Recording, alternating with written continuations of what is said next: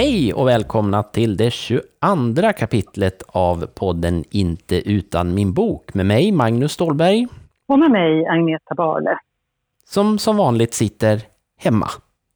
Ja, och inga gäster har vi heller. Nej, och det är så tråkigt att säga som vanligt, för det är inte som vanligt. Är, vi har ju ändå nu gjort tre.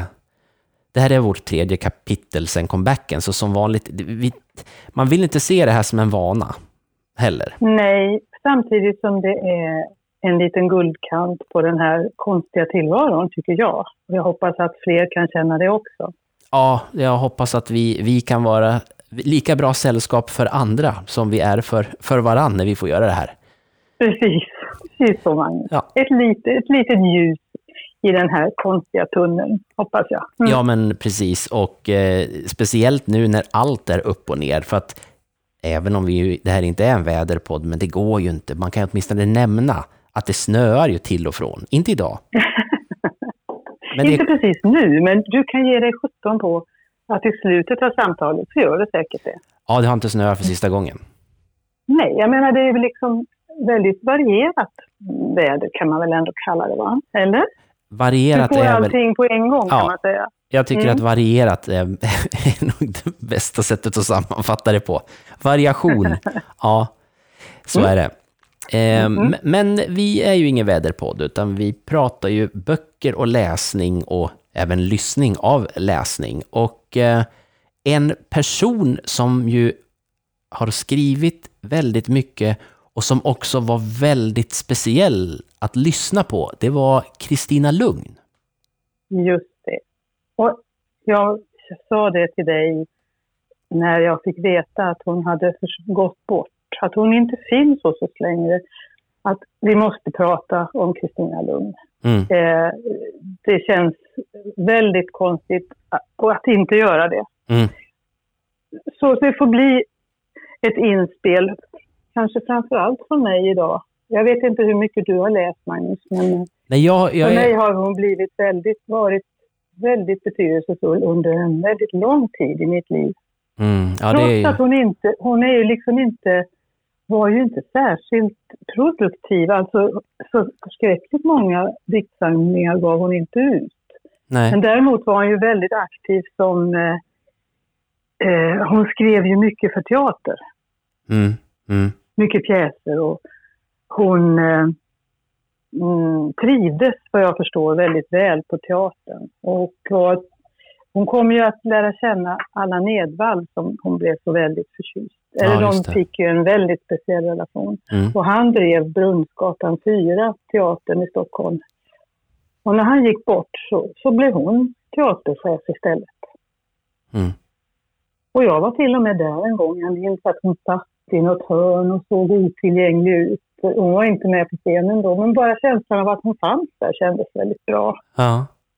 Mm. Hon hade ju, jag har ju, jag har ju den, den, den relation jag har till Kristina Lugn, det är väl från den här mediala perioden som hon hade när hon var ganska flitigt förekommande i, i, i tv på olika sätt. Hon hade ju det här pratprogrammet med, var det Jörn Donner och Bert Karlsson? Var det inte en sån Ja, fantastisk trio som jag väl inte kan påstå att jag minns eh, innehållet av, men jag minns att hon var med där bland annat. Som sagt, hon hade en medial tid och hon var ju en, en, en karismatisk person i, sitt, i sin väldigt stillsamma framtoning ändå. Men, men, men läsning, alltså vad hon har skrivit är jag faktiskt helt nollad på, så det är ju Mm. jättespännande att du har en helt annan relation till henne där. Mm. Och djupare. Hon hade det väl lite grann emot sig det där, hennes släpiga röst. Det var ju väldigt många som störde sig på hur hon lät. Va? Och så det här stora röda hårsvallet och så en C1 i högsta hugg då, som det ju var då på 80-talet. Va? Mm. Men eh, sen var hon, hade hon ju också några helt suveräna sommarprogram till exempel. Mhm, Okej, det har Och hon haft. und- det har hon haft. Mm. Och sen tror jag också att hon har hållit i det här programmet allvarligt talat. Du vet, folk kan eh, ringa in eller skriva in till radion och ha någon livsfråga som de vill ha svar på. Och då var hon en av dem som satt och svarade på det. Ja, just det. Just det. Mm. Mm. Ja, Hon hade ju Men, också, eh, ja, jag, jag, bara, jag kom att bara tänka Ja. på hennes, hennes otroliga skratt. Hon, hon brast ju verkligen ut i skratt. när hon skrattade. Ja. Det, var så, det, var så, det var så härligt. Det var helt oemotståndligt när hon skrattade, för att det kom, det kom verkligen längst inifrån och tog jätte... Det var liksom på något sätt så bara... Då tog hon all plats när hon skrattade. Ja. Och jag skulle önska att man inte tänkte så mycket på den där sista tiden när, när det blåste så in i bänken på Svenska Akademin, du vet, Mm. under Kulturmannens period. Ja, för då gav, fick man en, tycker jag, en lite skev bild av henne. Dels just det där skrattet när hon står och garvar med Horace Engdahl utanför, ja, någonstans på Söder.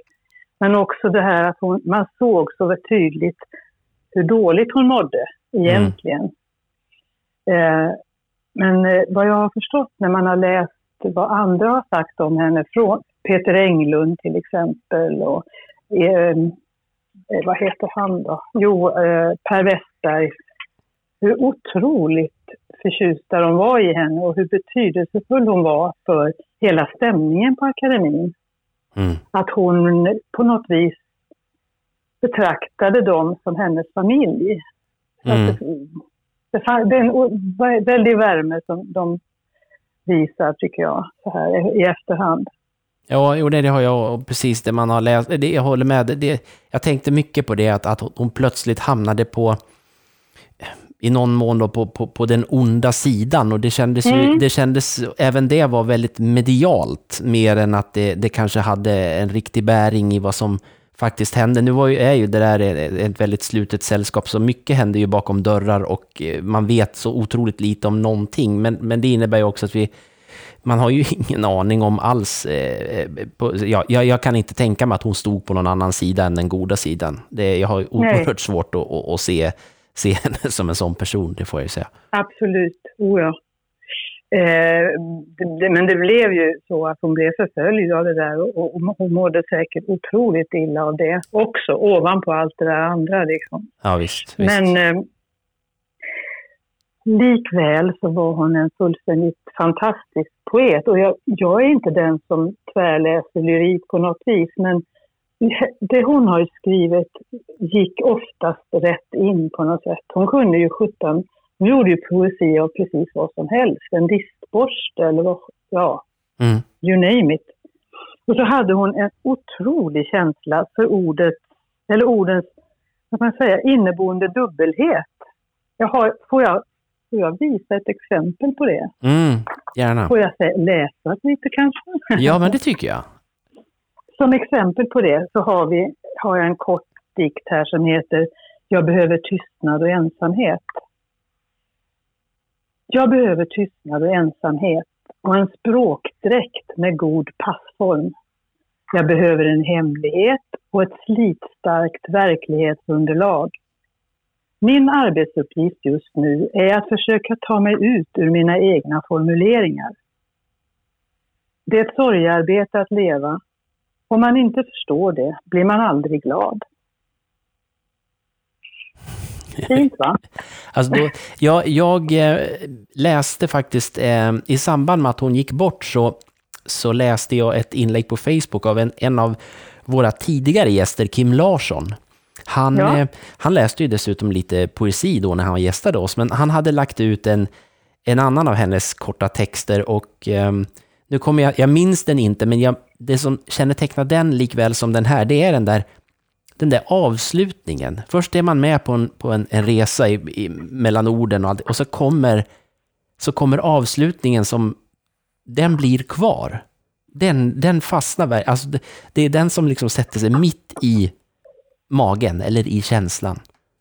Precis, det är någon sorts twist och ofta en, med lite, någon sorts galghumor. Va? Mm, ja, verkligen. Verkligen. Mm. Det, här, det, det, som sagt, jag har ju, nu har jag bara några få exempel eftersom jag har så lite läsning gjord av henne. Men, Mm. men det där är, redan tidigt så känner man ju att, att eh, det där är Kristina Lungs sätt.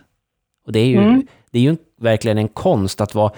För jag, kan, jag kan känna det utifrån både det som, som du läste nu och eh, den här eh, som Kim Larsson citerade, var just att det, det, hon, hon är på den här, på ett positivt sätt nu, men på den banala sidan in, men samtidigt så hon sticker ifrån den på ett sånt genialt sätt. Det är det som gör att hon inte blir banal. Mm. Just det. Det är många som skulle man- kunna försöka skriva hälften av det hon gör, men, men de, man, skulle, man kommer inte hela vägen därför att man har inte, man kan inte sticka iväg åt det andra hållet som, som hon kunde. Nej, precis. Nej, men det, hon är fullständigt unik på det viset.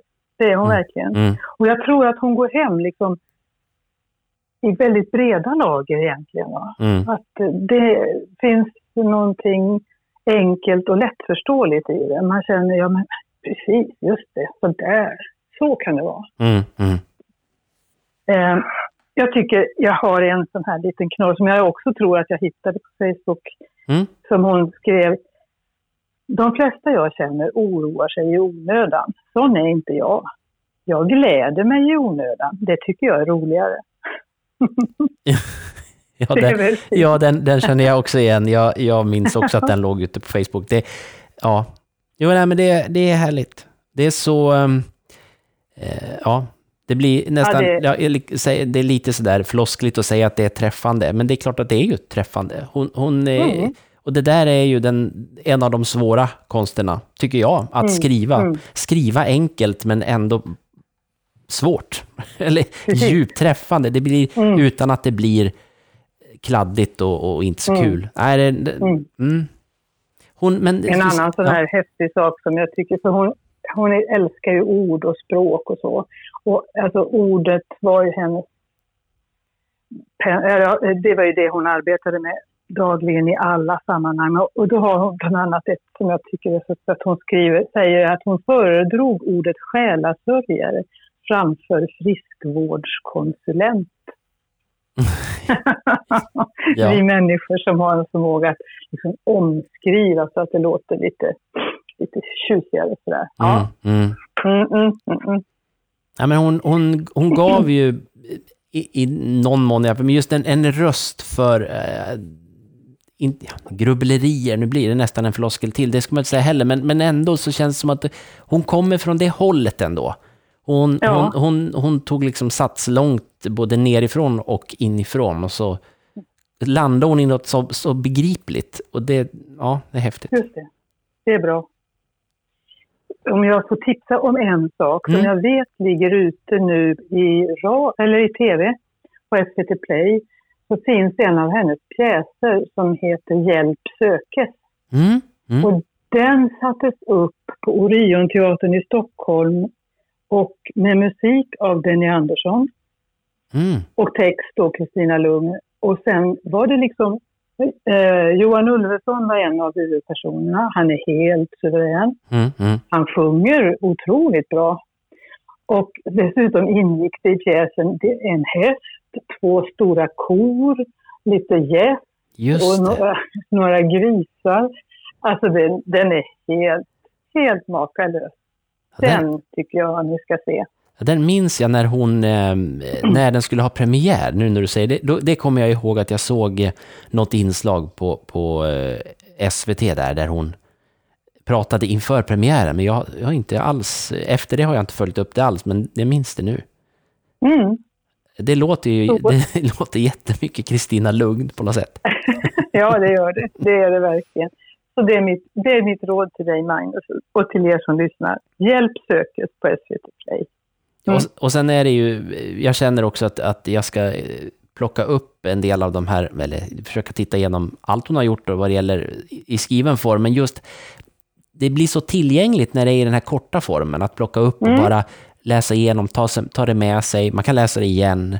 Det, I den, i En den då och genren. då, ja, liksom. precis. Mm. Man, man, det, och hitta de där favoriterna som i många fall kan bli sånt där som man har med sig, även om man inte har med sig boken fysiskt, men man, man har med sig det, de där orden eller den känsla som hon väckte. Eller, och just det där Mm. att identifiera sig med att det här som är så skönt att hålla i handen, att jag är inte ensam.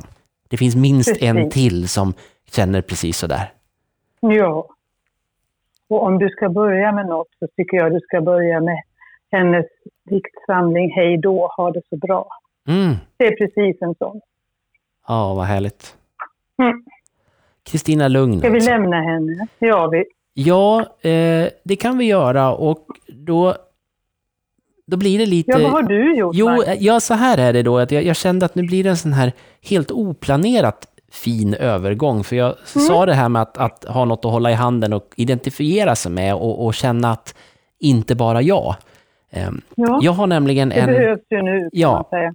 Precis. Jag har i handen en, en bok som är lite speciell på många sätt, så att jag ska direkt från början säga att nu ska jag prata om en bok som det är en god vän som har skrivit och där jag har faktiskt fått den stora äran att ha gjort omslaget. Det är ett foto som jag har tagit i Lofoten för några år sedan som, Wow. som pryder den här boken och det är jag otroligt stolt över. Mm, så, så på alla sätt kan jag säga att jag är fullständigt partisk när det kommer till, till min inblandning i det här. Men det tänker inte jag låta någonting hindra något, därför att jag ska, jag ska prata om en bok som, som, eh, som jag hade haft minst lika mycket behållning av om jag inte hade ens vetat vem författaren Henrik Mm. Ingvarsson var. Nu är han som sagt en god Bra. vän, en, en, eh, en eh, travjournalist från början, eller som egentligen fortfarande lite grann, men, men det var så vi lärde känna varandra i alla fall. Eh, Ja, du har en, en bakgrund inom travet, va? Ja, precis. Jag Mm. är ju gammal travjournalist. Och eh. Henrik var, för att ge en liten bakgrund, då, det här, jag ska prata om hans första bok, eh, en Mm. roman, och jag ska återkomma till titeln, för den ska man inte bara slarva bort, för den tycker jag är så bra. Men eh, eh, han var väldigt, jag blev tidigt väldigt fascinerad av hans sätt att skriva om eh, travsport. För han, Mhm. var, han var helt, eh, han var helt unik skulle jag vilja säga under den tiden när jag, när jag var som mest aktiv. Han skrev eh, på ett annat sätt helt enkelt. Det var, jag ska inte säga att det var poesi, för det blir, det tror jag inte Henrik skulle bli så glad om jag sa, eller, men det var, det var ett fint språk, det var ett annat Mm. språk, det var inte ett det var liksom inte sportjournalistspråk, utan det fanns Nej, en annan... jag förstår. Mm. Det fanns något annat i det som gjorde att, att, att hans texter var väldigt eh, fina att läsa, tyckte jag. Förlåt Magnus, du pratar i, i förfluten form. Skriver han inte fortfarande? Eh, jo, han, han är aktiv, inte fullt lika mycket inom travet som, som eh, tidigare. Eh, men okej. men han, han går att, han finns på Twitter, tycker till lite grann där och skriver en del krönikor på, på Mm. lite webbplatser och dyker upp lite olika sammanhang. Han har haft en podd också tillsammans med en annan journalist som heter Lennart Persson. Eh. Mm.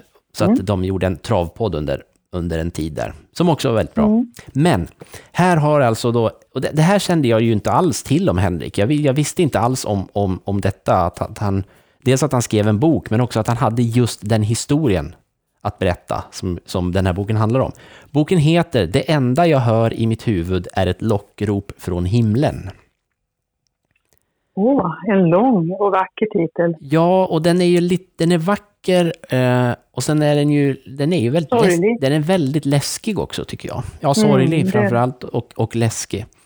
Ehm, och det är en bok som, som eh, åtminstone delvis är, är själv, inte självbiografisk, men självupplevd. Det finns ju Mm. som i alla, alltid, man, man blandar och ger, men, men eh, det Henrik gör är att han berättar historien om Oscar som växer upp i Karlshamn.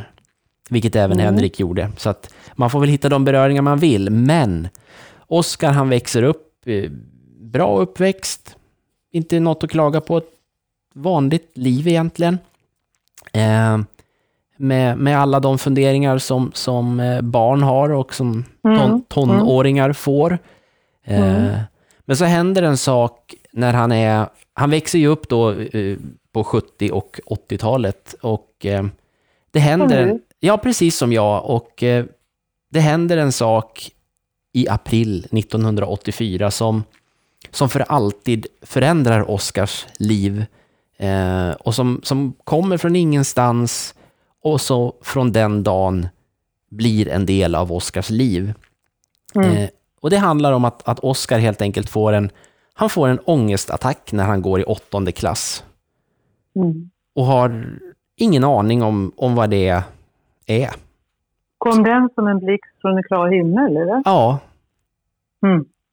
Sen är det ju så att man, man Oskar sen lägger ett, ett, ett, pussel och kan se att den, den kanske inte kommer mm. från den där klara himlen, den där blixten, det är inte riktigt en blixt egentligen, men där och då är den det, eh, och den är, den är så att säga obegriplig och otroligt, ja. otroligt obehaglig. Mm.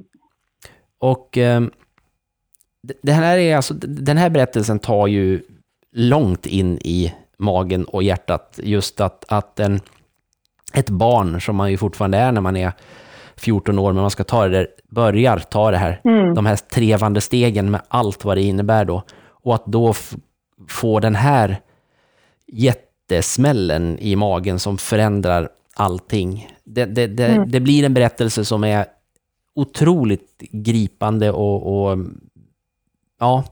Och sen är den ju, som i mitt fall då, vi är ju, det skiljer ett år mellan mig och, och Henrik Vi har ju samma referenser när det kommer till popkultur och, och idrott och sådär. Så att är mm, man född någonstans på, på slutet 60-tal, början, mitten 70-tal så har man ju gått hand i hand med samma saker som, som huvud, huvudpersonen Oscar mm, går. Mm. Mm. Eh, men det är en...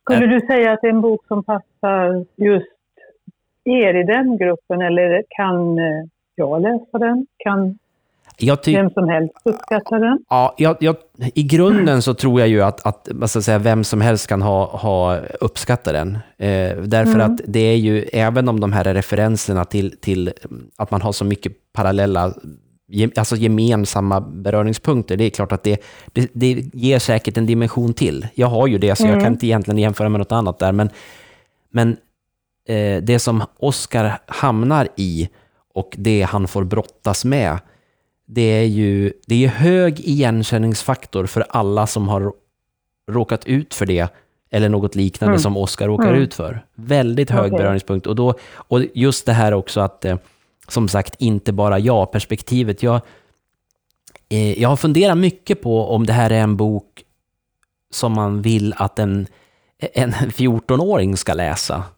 Därför att, ja, vad kom du fram till ja, jag, jag är fortfarande jättekluven. Jag tycker att det här är en fantastisk, det är en fantastisk berättelse och beskrivning av precis detta som, som, som Oscar drabbas av. Mm.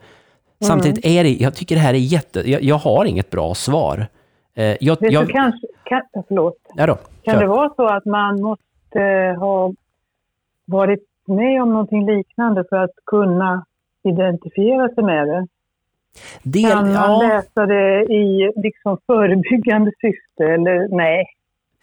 Jag, jag skulle kunna säga, det, det, man, det jag skulle kunna säga det är att, att det som är gemensamt, vill jag nog påstå, för, för alla människor som har gått igenom det som Oscar går igenom, det är att, att, det finns, att omgivning, omgivningen kan ha väldigt svårt att förstå exakt hur tufft det är och exakt mm. vad det är man, man går igenom. Och det, det beskriver ju Henrik jättebra i boken också, det här att omgivningen inte ser, inte förstår. Och på det sättet så är det här en, en, en, bok som har man en, har man en tonåring eh, som ja, en tonåring som till synes mår bra eller som inte mår bra, vad det nu egentligen är.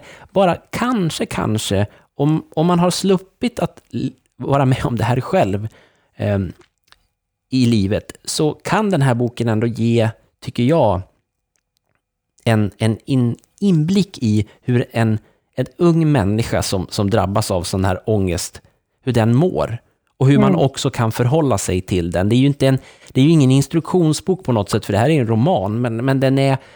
Eh, man har, man har ju en förmåga av att tänka själv också. När man läser den här boken så det, man funderar jättemycket naturligtvis. Det blir ju att mm. man, man, man känner ju för den här Oscar och man tänker att ah, tänk om man hade kunde hjälpa Oscar. Och så vet man det att det finns så många idag som mår som Just Oscar. Det. det var det jag tänkte. Jag såg senast igår på tv att eh, statistiken kring hur dåligt många unga mår är ju förskräcklig idag. Mm. Och den ensamhet de känner dessutom.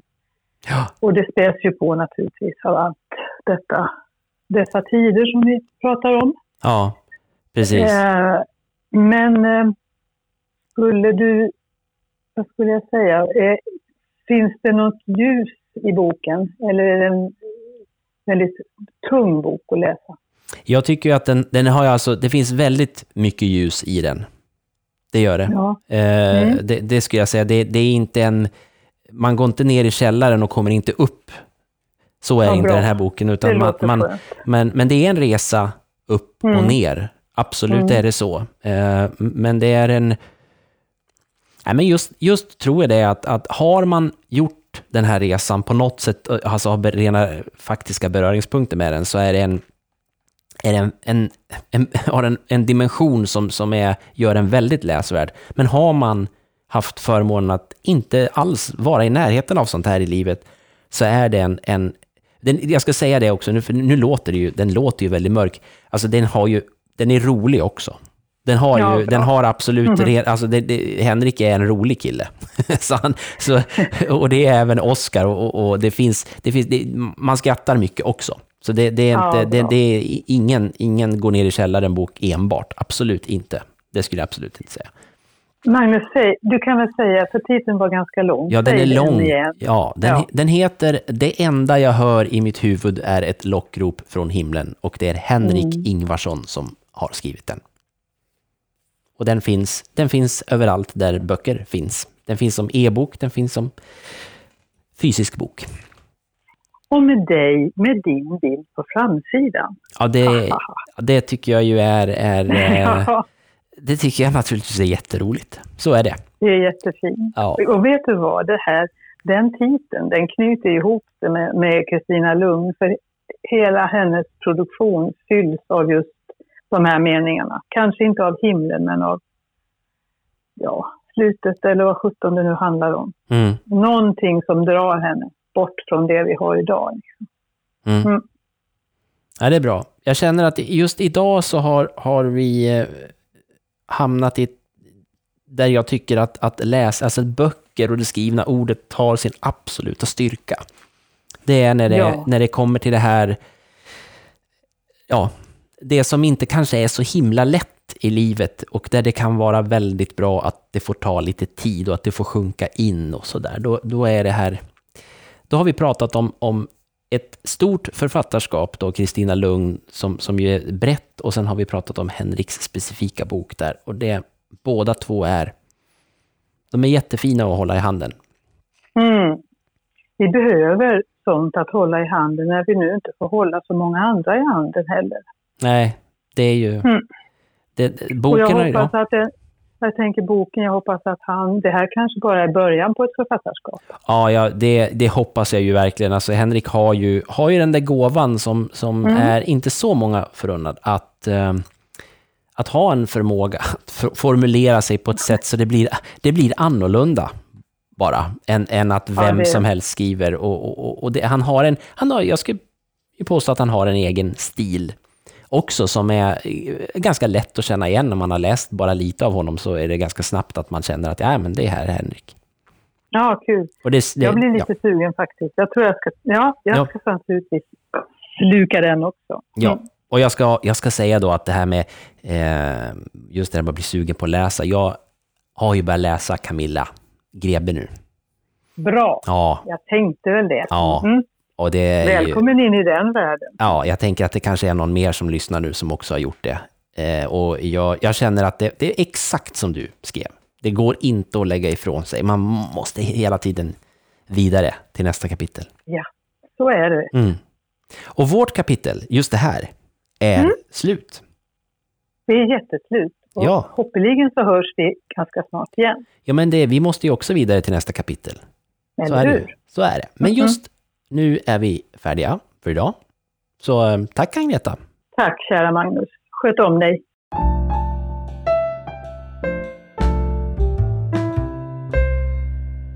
Du har lyssnat på ett avsnitt av podden Inte utan min bok som produceras av Magnus Stålberg och Agneta Barle. Mer information om avsnitten hittar du på skrattpiller.se inte utan min bok.